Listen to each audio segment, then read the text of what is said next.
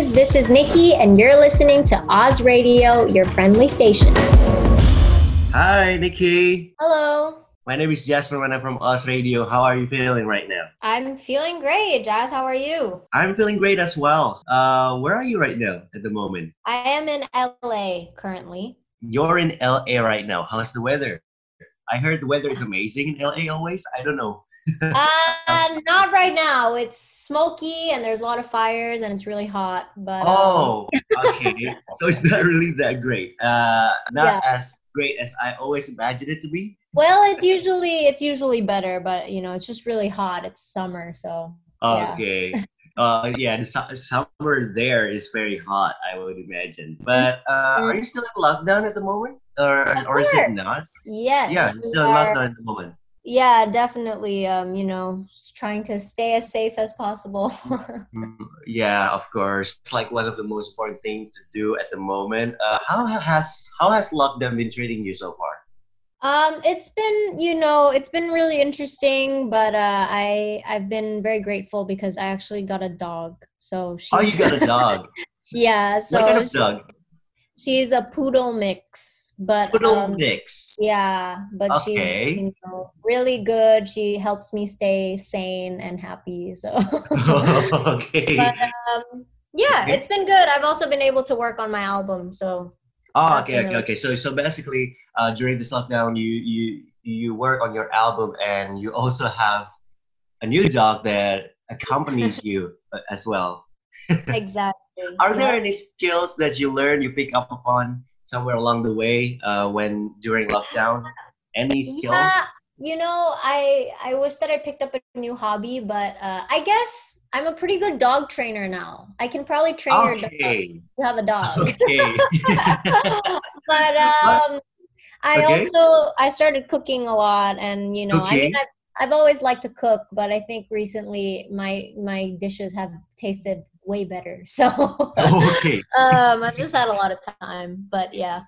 Yeah, yeah, yeah. So I guess the skills that you that you learn is cooking. Yeah. perhaps one of them. Are you still Yeah. do, do you still love cooking in a lot of Indonesian food as well? Yes. Um, the thing is, you can't really get ingredients from like the pasar here. Yeah, know? obviously. Obviously the- there are no the- pasars up there. exactly. So, you know, it's usually like it doesn't taste as good because the spices are like, you know, the ground kind. It's not like fresh. Uh, so Okay. usually when I when I cook, I, I I just rather choose to uh to order Indonesian food here. There's a really good local Indonesian restaurant that's delicious. Okay. But um, so yeah, thankfully, whenever I miss home, I, I get to I just call them and say, "Hey, can I order your whole restaurant?"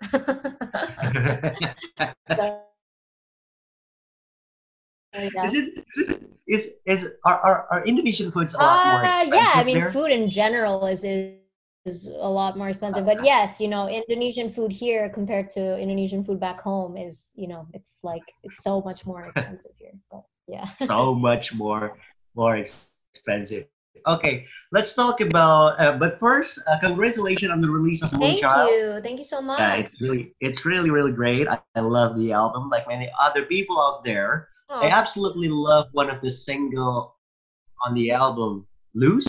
thanks. I'm glad you like it. Yeah, I, I, I absolutely love the song. But uh, I, I, I, I, I saw on on Instagram you posted something about the "Lose" global sing along. Can you tell me a little bit about that? yeah so basically you know a lot of fans and um, you know just people in general they participated in this and they submitted videos of you know their themselves covering the song and Okay. um, yeah and then we just kind of put it all together chopped it all up and um, it's so uh, it made me cry honestly just because i was like so overwhelmed with um, the release and how everybody liked it and you know um, it was you know it's two years two years of my hard work um, okay. finally out. And then you know they surprised me with that that compilation uh that i didn't know was gonna be posted. So i was like oh i started crying. It's really emotional but um i was yeah it's so great. Every they're my fans and just you know there's so many talented people out there it's Yes. it's crazy Yeah, Yeah. okay, okay. So basically, it's a lot of your friends from a lot of other countries in the world. Basically, mm-hmm. uh, how did you feel after after realizing that basically everybody around the world singing your song? it's a great feeling. You know the my whole the whole point of you know me doing this is so that my my music can reach you know the ends of the earth um and so it, when you know when i see uh people covering my songs from like ireland or you yeah. know wherever is or yeah. japan or korea it's it's yeah. just so um it's a really rewarding feeling it must be very interesting when when when when you write a song something that's only inside your brain for i guess a few years back and then somehow melodies and lyrics that was always inside your brain somehow it's being synced by everyone yeah. all across the world yeah. I, I, that that must be something really interesting to be feeling definitely yeah something like that you know it's a great feeling it must have been a great feeling but uh, also talking about moonchild on your statement two hours before the release of moonchild i write that what if was the driving force behind this yep. project. I'm curious, what was the biggest what if that's really on your mind even to, to this day, you know, like the biggest what if? Biggest what if to this day? Man, bro, I feel like I I think about I have that question like every second. oh, think, what if I think, you know, in terms of the album though, uh the biggest what if I think was like, what if this doesn't happen. oh, okay, okay. Um, yeah. Yeah, I mean, what I mean uh, by what, that. What do you mean by this? Yeah. Yeah, I mean, like, okay. as in the album, what if it doesn't happen because, you know, as I said in that statement that you read, I almost quit, like, and I just lost my mind so many yes. times creating this album because, you know, it it's a concept album, so it was very important to me that every song related to one another and it told the story yeah it's like watching a movie you know what i mean? So um yeah, yeah, yeah, it was so hard to put together and just like all the missing pieces the missing links. And then you know I, the biggest what if i guess is like man what if i can't really pull this off? And like what if we just have to abandon this idea and move on with something else that's easier but um thank yeah. god I, I, mm. decided to keep going you know because i'm i'm so proud of of this album and where what it is today so yeah okay okay okay that's that's really interesting to hear that because uh the biggest what if was what if it never happened which exactly. is uh yeah i mean i uh if if that's the question uh, i think i will i will be very sad because the album will not be released and i think that well exactly. i don't want that to happen because yeah. you know when uh, I, I follow your career since i guess uh, see you never uh, wow yeah you were from the start back. Uh, yeah a while a while back i'm a big fan so and i realized that your sound has progressed a lot you know your yeah. sound uh, especially mm-hmm. from the very beginning till this day uh, yeah. How did you think uh, your sound has progressed so far, including to, yeah, uh, I think the yeah, I think the biggest lesson that I learned um, through the making this album is just not to limit myself as an artist because I think you okay. know um, the title uh, R&B Indonesian R&B princess, you know this R&B yeah. um, yeah, yeah, yeah, I, I still love that title and I'm still so honored that everybody thinks of me as this R&B princess but I think I am more than that. You know what I mean? And I, I really yes, realize yes. like as an artist, you are supposed to make art that, you know, pushes the boundaries. It, you know, challenges yes. the, the status quo and all that stuff. And so how are you going to do that if you put labels on yourself and you say, okay, I can only make music that sounds like this. You know what I mean? That, okay. so it, it didn't make sense to me. And so I, um, that's why I decided to just abandon the all the genres that I had in my head at the door when I started okay. this album, and I um, just let my creativity run free. You know. Okay, okay, okay. You don't want to put limits to your art. Yeah. I guess. Exactly. Exactly. Yeah, yeah, yeah. So you so you want to do a lot of stuff that is not going to put you inside one box of you know, Nikki is just R and B, but exactly. not really. Nikki is a lot of things. Exactly. Exactly.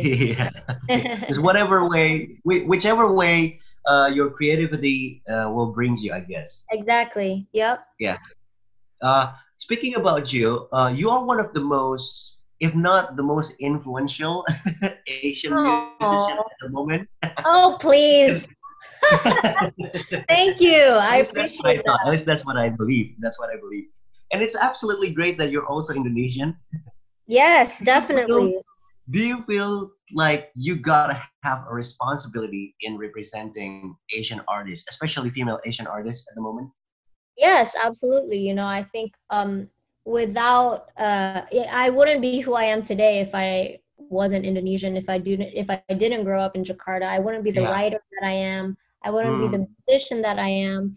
And so, of course, I wear my heritage and my homeland, you know, on my sleeve with pride because I think it it's what it's what makes me unique. It's what makes me me. And so, um, yes, I absolutely feel a social responsibility to represent other um, Indonesian girls and boys and Asian people in general because I think you know there's been such a lack of representation um, Absolutely. uh, Absolutely. uh, in for Asians uh, in media, you know, and even if we were represented, I think it's it's not necessarily accurate, you know. Yeah, yeah, yeah, yeah, yeah. yeah. Uh, Uh, it's just like stereotypes. Yeah. exactly, and so I Uh. wanted to, I, you know, my goal is to show everybody out there, like, look, no, you don't have to be a stereotype. You can be whoever you want to be. You can Yes. be, you can be individualist. You can be complicated and you know have a lot of layers to yourself. That's okay. You know, we're all human. And um, that, that's kind of the goal with my artistry is I, I want to um, represent Asians in a new way. Yeah. Yes. Preach, girl. uh, do you feel any pressure of being that uh, that you have to represent not just uh, female Yeah. Asian artists, but also Asian artists in general? You know, do you feel pressure? sometimes? yeah absolutely you know i think Uh. uh, just being in just being um under the spotlight you know for people that i have never ever met or even talked to that i don't know you know criticizing me or like Yeah. who is she you know like all these things it's just a very vulnerable position to be you know uh quote public figure um, Yeah. so yeah obviously i i feel a lot of pressure you know i, I want to make sure that i get things right that i Uh, uh, say the right thing and I don't disappoint people. But um, ultimately, I've been trying to learn that, you know what, I'm still human. Nobody's perfect. And um, I'm just going to do my best. And that's all I can do, you know? So, yeah, yeah. Okay, okay, okay. So uh, at the end of the day, you're just trying to do your best. yes, That's exactly. it. Yeah. Uh, it doesn't matter because people will judge anyway. Yes, exactly. yeah, no matter what you do, people will judge you. Okay. But Yeah. anyway, uh, my last question would be, uh, Nikki, yes. if Moonchild was an Indonesian cuisine, what dish would Moonchild be? Oh my God, what a creative and unique question. Um, man, I would say probably Manado ni. what? because I would say Manado food. Manado Because- food. Why? Why? Why?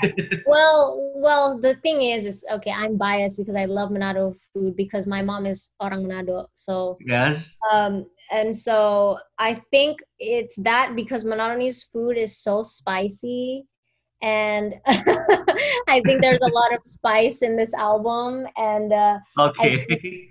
um, you know, I think Manado's food is so flavorful, and you know, there's a lot of. But honestly, every all Indonesian dishes have so much flavor. So I don't know. I would just say all of all of the cuisines, but yeah. All of the cuisines. okay. But because you came from Manado, Manado, I guess you will say the Manado food. exactly. okay. Thank you so much, Nikki, for the time. Thank you, thank you, Jazz. Great talking with you as always. Absolutely. Thank you so much. Can't wait to see you soon. Definitely have a good day. honor. Bye. Congratulations, Moonchild. Thank you. Bye bye. Bye.